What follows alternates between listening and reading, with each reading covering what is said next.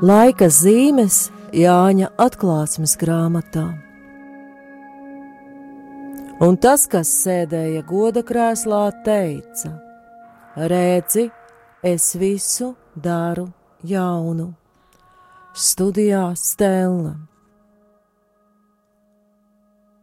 Iepriekšējos raidījumos mēs pievērsāmies septiņu dusmu kausu redzējumu skaidrojumiem, bet no šī raidījuma jau pievērsīsimies nākamajam ciklam, kurā vizionārs ir skatījis šos redzējumus par Bābeli kā ļaunuma simbolu un tās galīgo iznīcināšanu. Un varam saprast, ka septītais dusmu kauss par kuru runājām iepriekšējā raidījumā, kurš tika izliets gaisā, un atskanēja stipra balss no tempļa goda krēsla. Un lielā pilsēta saplaisāja trīs daļās, pagānu pilsēta sagruva, lielā pilsēta Bābele tā tika pieminēta Dieva priekšā. No tā Visa, kas ir šajā atklāsmes grāmatas 16. nodaļas 17. līdz 19. pantam, varam saprast, ka šis pēdējais dusmu kausa redzējums ievada šo nākamo ciklu. Un arī šī Bābeles iznīcināšana, ko atklāsmes grāmatā mēs saprotam kā ļaunuma, un ļaunuma radīto struktūru iznīcināšanu ir tāpat attēlota ar septiņām zīmēm, un no kurām pēdējās jau ieved piepildījuma redzējumos, kas ļaus saskatīt jauno radīšanu, šo dieva pestīšanas darba pabeigšanu un dieva valstību pie cilvēkiem. Un Bībeles pētnieks Leple šo septiņus Bābeles sagraušanas redzējumus strukturē tā. Viņam pirmais redzējums ir lielā netikle uz sarkanā zvēra. Šim aprakstam ir veltīta vesela nodaļa, atklāsmes grāmatas 17. nodaļa. Tur ar sievietes tēlu ir atklāta pasaules valstība un dots arī zvēra, uz kura tā sieviete atrodas, uh, atšifrējums zināmās robežās. Otrais redzējums ir atklāsmes grāmatas jau 18. nodaļā, no 1. līdz 3. pantam, kur ir aprakstīta Bābeles krišana ļoti īsi.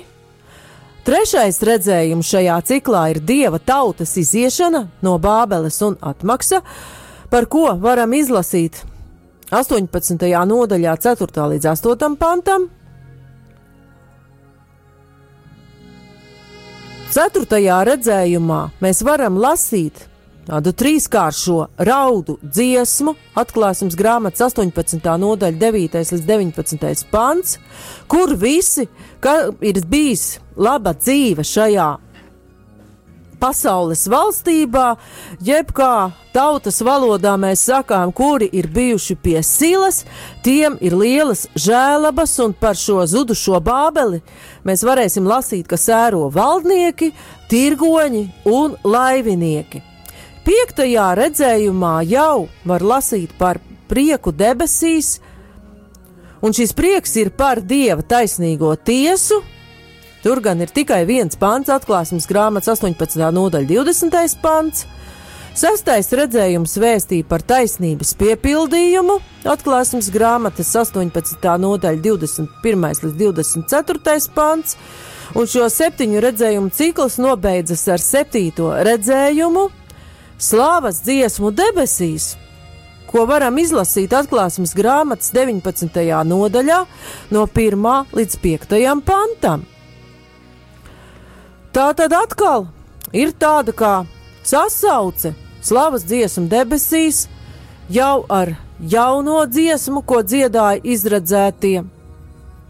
Un neviens cits to nevarēja iemācīties, un redzam jau tur ka atkal ir šī sasaiste ar veco derību, ar mūzus dziesmu, kas bija šī izceļošana, vecās derības izceļošana, kas ir tāda, tāds kā pravietojums, jeb zinātniski to sauc par pirmtēlu, šai jaunās derības izceļošanai, kas ir izceļošana no grēka.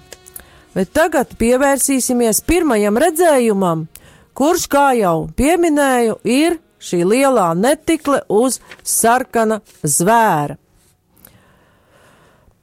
Un tur redzam, ka viens no septiņiem eņģeļiem, kam bija doti dusmu kausi, rāda vizionāram Jānim lielo netikli, bābeli, rāda viņu kā sievieti, un varam lasīt.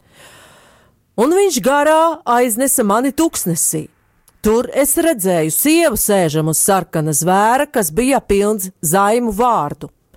Tam bija septiņas galvas un desmit ragi.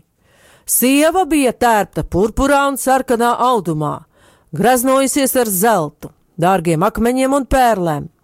Tai rokā bija zelta kauss, pilns ar bezdievības negantībām un viņas netiklības netīrumiem. Uz viņas pieres bija rakstīts noslēpumains vārds Lielā Bābele, visas zemes netikļu un negantību māte. Tad šeit ir sniegts īss šīs sievietes raksturojums. Tas ir 17. nodaļas, 3. līdz 5. pants. Un šī sieviete ir pretstats sievai saules tērpā, par kuru lasījām atklāsmes grāmatas 12. nodaļā un sapratām, ka sieva saules stērpā ir vienlaicīgi gan Kristus māte Marija, gan baznīca. Un tas nav nekādā pretrunā, tas pat atbilst tam, ka mēs Mariju saucam par baznīcas māti. Un šī sieviete ir Bābele arī kā pretstats jēra līgavai, par kuru mēs varēsim lasīt atklāsmes grāmatas 21. nodaļā, 2. pantā. Bet šīs netiklās sievas zīmes skaidrojums izraisa vēl lielākas diskusijas. Baznīcas tēvi aicina pievērst mūsu uzmanību tam, ka Jānis kurš redz šīs zīmes garā tiek aizvests tuksnesī. Kāpēc tuksnesī un kāpēc garā? Viņš tiek aizvests tuksnesī vietā, kur nav dieva.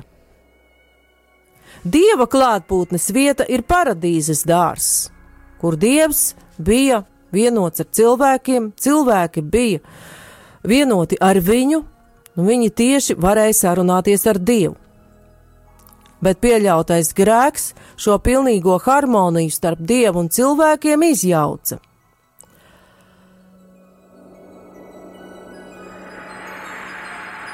Tātad dieva klātbūtne ir paradīzes dārs, kuru atjaunot un pilnīgāku redzēsim debesu Jeruzalemē, bet tajā varam ieiet arī katrā svētajā misē. Tūkstnesī ir kails, Dzīvības, kas nāk no dieva, tur nav klāt. Un šīs lietas ir atpazīstamas tikai garā, vai esam dieva klātbūtnes vai dieva prombūtnes vietā. Miesas acīm bieži kā dārs, šodien jau varam pat teikt, labklājības dārs izskatās tieši tuksnesis, jo visā šajā labklājībā kunga klāt nav. Bet kur ir materiālais klailums, Nabadzība pat Dievs ir klātesošs, un tur varam atcerēties par Smirnas draugu, vienu no septiņām draudzēm, kurai Jēzus saka: Tu esi nabaks, tu esi bagāts. Un tad šī draudzene bija bagāta ar dieva klātbūtni.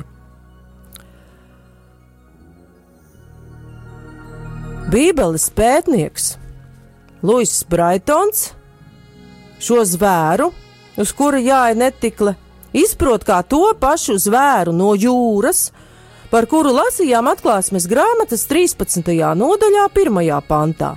Es redzēju, izkāpjam no jūras zvēru, kam bija septiņas galvas un desmit ragi, un uz viņa ragiem desmit ķēniņa kroņi, un uz viņa galvām zaimu vārdi. Un redzam, ka visi šie attribūti ir ļoti līdzīgi. Abos redzējumos zvēram ir septiņas galvas un desmit ragi. Un visi šie piederumi ir ļoti līdzīgi, kādi tie ir arī puķim, sarkanajām puķim, par kuru lasījām atklāsmes grāmatas 12. nodaļā, 3. pantā, un tur uz šī puķa septiņām galvām bija arī vēl septiņi ķēniņi, kroņi. No grieķu valodas varējām tulkot diadēmas, kas apzīmē tādu ķēniņa varu, nevis uzvarētāja vainagu, kam ir jau cits vārds.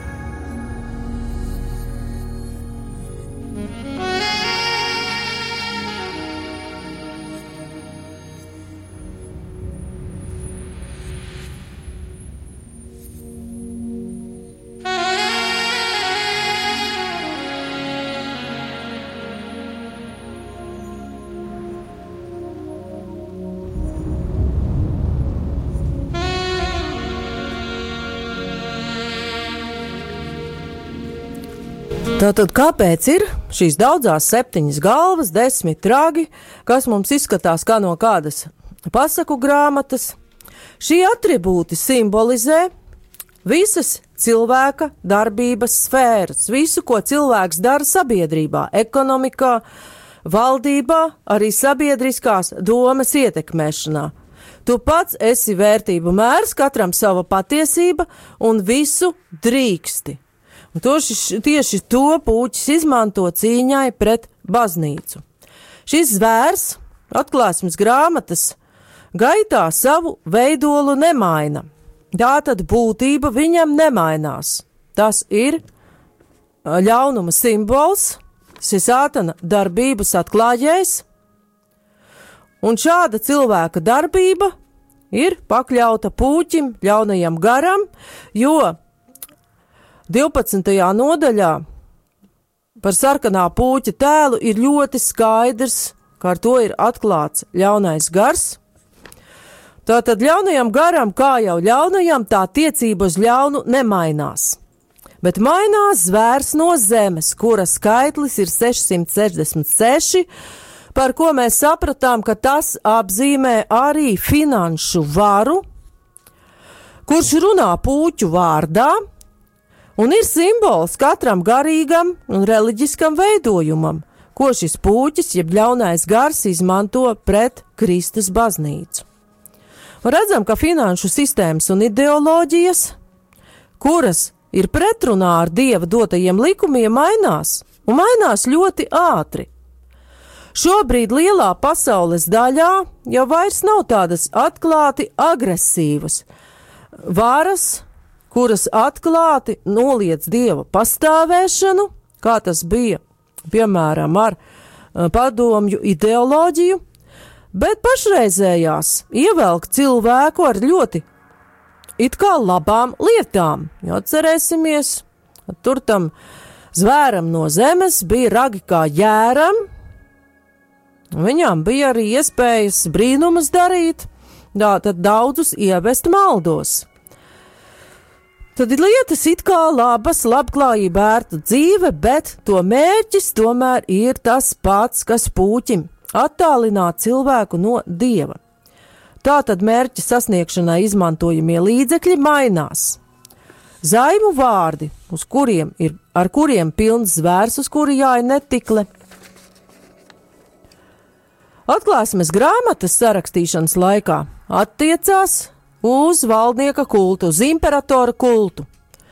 Jo Romas imperatorus tad sāka pielīdzināt dieviem, un viņiem nebija nekādu problēmu piesavināties tādus titulus kā kungs, glābējs, dievišķais, pasaules kungs un vēl dažus, dažādus citus, Un papildus vēl bez tā pastāvēja citas dažādas imperatora pielūgsmas formas.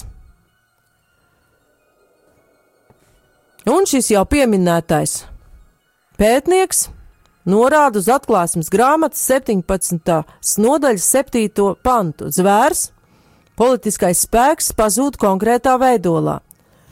Tā, piemēram, ir sabrukusi padomju savienība, kas baznīcu vajāja atklāti, bet tad tas viss parādās kādā citā formā, lai vajātu Kristus baznīcu, un kā jau teicu, šobrīd tā ir finanšu varas un patērētāja mentalitāte - pelnīt pēc iespējas vairāk un patērēt pēc iespējas vairāk par katru cenu. Tad zvērs ar septiņām galvām var tikt uzlūkots kā simbols, kā antikrista vara, kas attiecas uz visām zemes varām, valdībām un valdniekiem, kas realizē vai nu atklāti tirānisku valdīšanu, vai arī kādu mīkstāku varas variantu, kādas dievišķas vai neapstrīdamas sankcijas aizsegā. Un šobrīd jau tā nav atklāta kāda ķēniņa pielūgšana vai pat kāds vadoņa kults, bet drīzāk gan, ka visi šie tirgus likumi tiek pasludināti kā neapstrīdamas patiesības. Ir arī citas interpretācijas attiecībā uz sievu, kas ir uz sarkanā zvēra, un tām ir tomēr vērts pievērst uzmanību, kaut arī tās varētu mums būt ļoti pat nepatīkamas. Piemēram, protestantu teologs Millers sievu sarkanā zvēra interpretē kā kādu viltus baznīcu, kura sadarbojas ar valsts varu. Un viņš to identificē, ka tā ir tas pats zvērs no zemes. Un pieminot kristiešu vajāšanas Romas impērijā, un jau minēto imperatoru godināšanu, par ko jau es minēju.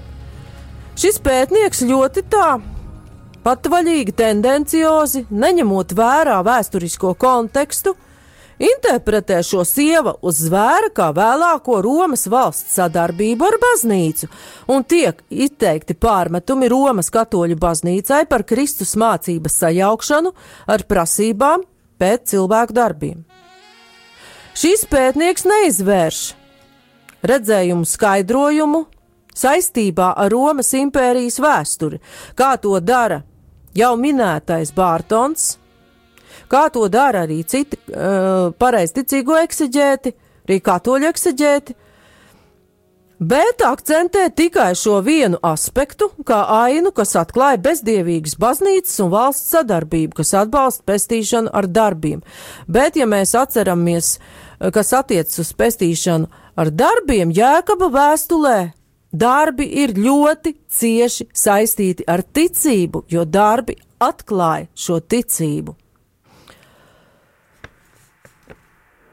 Un tāda nostādne ir neobjektīva un liecina par katoliskās baznīcas mācības nepazīšanu, bet savā ziņā tā tomēr ir bīstama, jo var radīt sajukumu cilvēkos, kas grib iepazīties ar katoļu baznīcas mācību un meklē savu vietu baznīcā.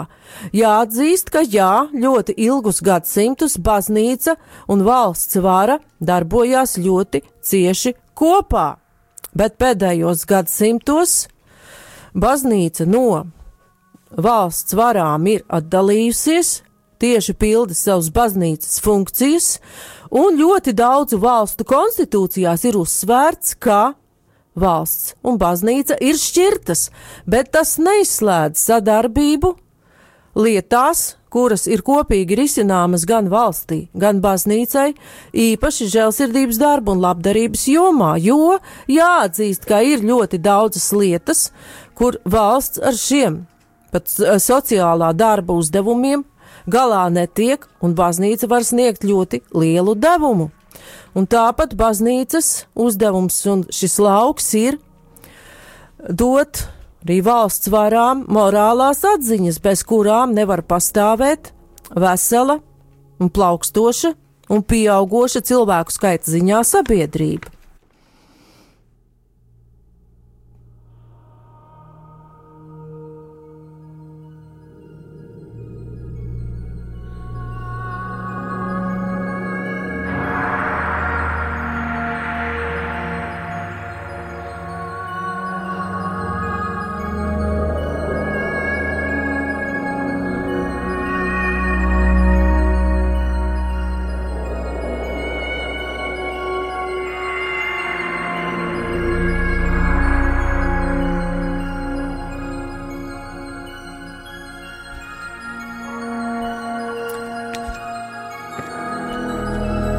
Taču arī sadarbojoties ir šis jautājums, cik tālu sadarbošanās ar valsti nāk par labu evanģelizācijai, bet kur šāda sadarbība jau var kļūt par ēšanu pie valsts silas. Īpaši jūtīgs šāds jautājums varētu kļūt izglītībā. Cik tālu baznīcas dibinātas skolas un universitātes var inkorporēties sekulārajā izglītības sistēmā, piemēram, lai saņemtu kādu finansējumu? Kur un kad baznīcas struktūra var kļūt no, atkarīga no valsts varas? Sistēmas, kas dod finanses un līdz ar to ietekmēties no pastāvošās ideoloģijas, jo jāatzīst, ka šo patērēšanas mentalitāti jau arī varam skatīt kā ideoloģiju. Tā tad ir atklāts jautājums, cik tālu sadarboties, lai baznīca tomēr paliktu baznīca un turpinātu sludināt Jēzu Kristu. Savukārt, Jau pieminētais pētnieks Leple izvērš fragmenta interpretāciju vispirms vēsturiskajā kontekstā attiecībā uz Romas impēriju.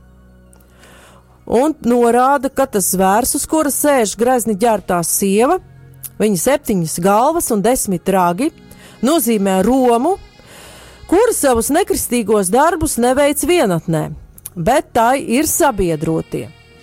Atklāsmes grāmatas 17. nodaļā, 15. pantā mēs varam lasīt. Tad viņš man saka, ūdeņi, ko tu redzēji, pie kuriem sēž netikli, ir tautas un ļaužu pulki, ciltis un valodas.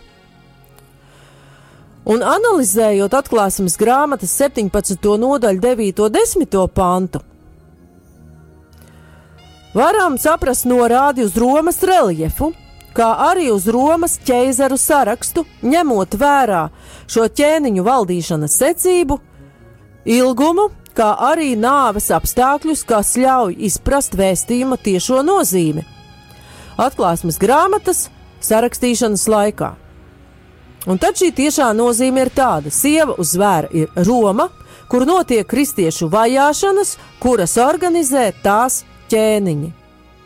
Savukārt cits bībeles pētnieks Staņskis norāda, ka zvēra galvas, kas ir arī septiņi ķēniņi, var saprast kā simbolisku ķēniņu skaitu. Tātad šis ir tas ļaunuma varas pilnības skaitlis. Šādu viedokli pieļauj arī tas, ka atklāsmes grāmatas vēsts nav orientēta uz konkrētiem gadskaitļiem, valstīm vai personām, bet atklāja, ka tādas antikristīgas valstis sabrūk līdzīgi kā Romas impērija, taču atkal un atkal parādās uz vēstures skatuves dažādu totalitāru režīmu veidolā, kas notiek līdz pat šai dienai. Dzeršana un izlaidība, kas raksturīga sievai uz sarkanā zvēra, ko mēs tur varam skatīt īsos simbolos, vienmēr attēlo grēku, un šāda Romas impērijas sekotāja vara, kas tāpat, lai kā tā sevi pozicionētu, tā tomēr ir imperialistiska vara, vienmēr ir balstīta uz upuru ciešanu, meliem, neaprobežotu varu kāri, kas ved pie pārliecības par tās visvarenību, un tas ir briesmīgs sātana kārdinājums. Šobrīd šīs varas, kā jau minēju, vairs nav tik atklāt, atklāti brutālas un tieši pret kristietību nevēršas. Un grēka struktūras parādās, kā jau teicu, pat it kā labos piedāvājumos. Pievēršoties zvēru galvu desmit ragu simbolikai, kādēļ viņam ir tie desmit ragi? Var saprast, ka tie ir toreizējās Romas impērijas vasaļu valstu valdnieki, jo impērija bija salipināta kopā no daudzām mazām valstīm, kuras Roma bija pakļāvusi, bet eh, valdnieciņiem bija dota tāda nosacīta vara. Bet varam saprast, ka tā ir jebkura valsts vara vai tauta, kas atsakās no dieva likuma izpildes un līdzīgi kā Romas impērija un tās vasaļvalstis iznīkst.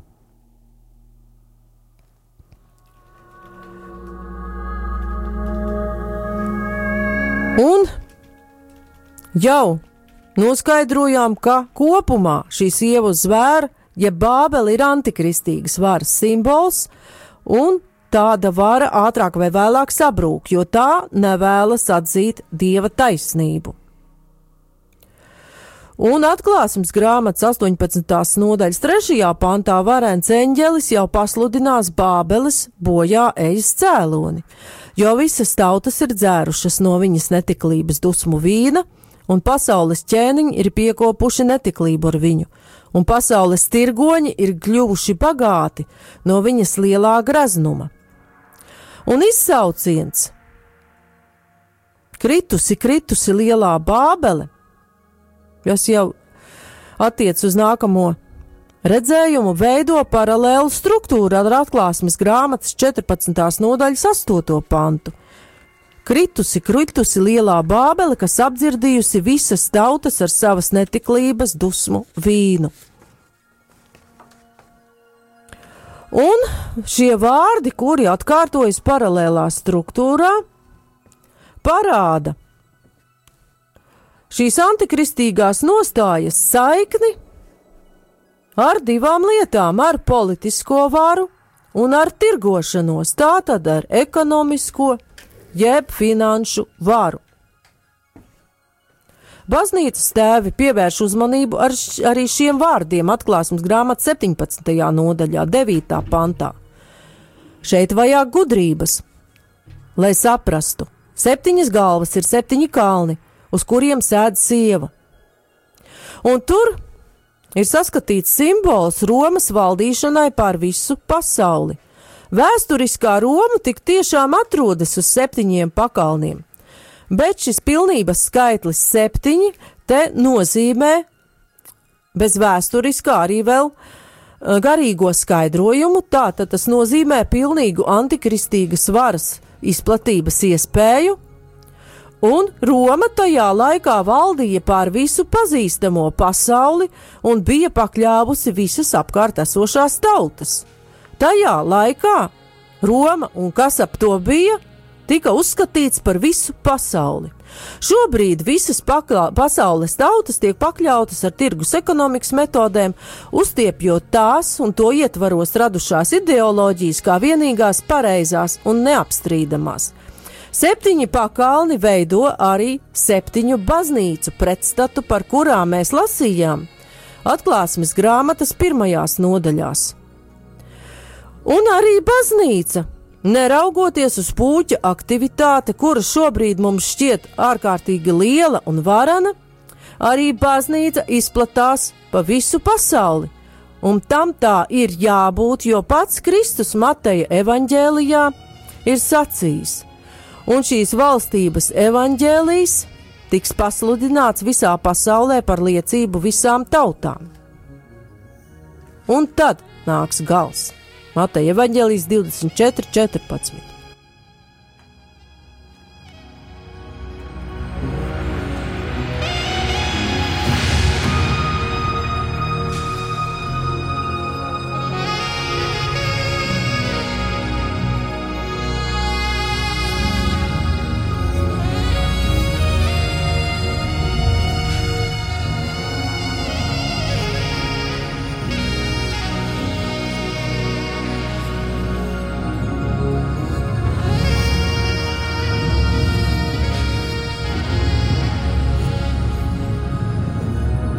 Materiāls ļoti bagāts, un šis vārds ir ļoti plaši skaidrojams un saprotams. Vēl pievērsīsim uzmanību 17. nodaļas 8. pantam, jo tas arī ir it kā grūti saprotams zvērs, ko tu redzēji bija. Tā tagad vairs nav, bet tas izkāps no bezdibeņa un ies bojā. Tad zemes iedzīvotāji, kuru vārdi nav rakstīti dzīvības grāmatā no pasaules iesākuma, brīnīsies, redzēdami zvēru, kas bijis, bet kura tagad nav un kas atkal būs. Pēc baznīcas tēva domām tas attiecas uz ļauno garu un tā cīņu ar dievu. Un te varam saprast, ka dažādas antikristīgas varas un režīmi parādās, pastāv kādu laiku, iet bojā un to vietā nāk jauni. No zvēra atkal piedzimst zvērs, kā no ļaunas tautas atkal kāda agresīva tauta, un vēl to var izprast kā jau sakauto sātanu, kurš ir sakauts ar Kristus iemiesošanos, nāvi un augšķām celšanās. Bet laiku beigās vēl uz kādu brīdi aktivizē savu darbību, kaut jau ir uz zemi nogāsts un uzvarēts.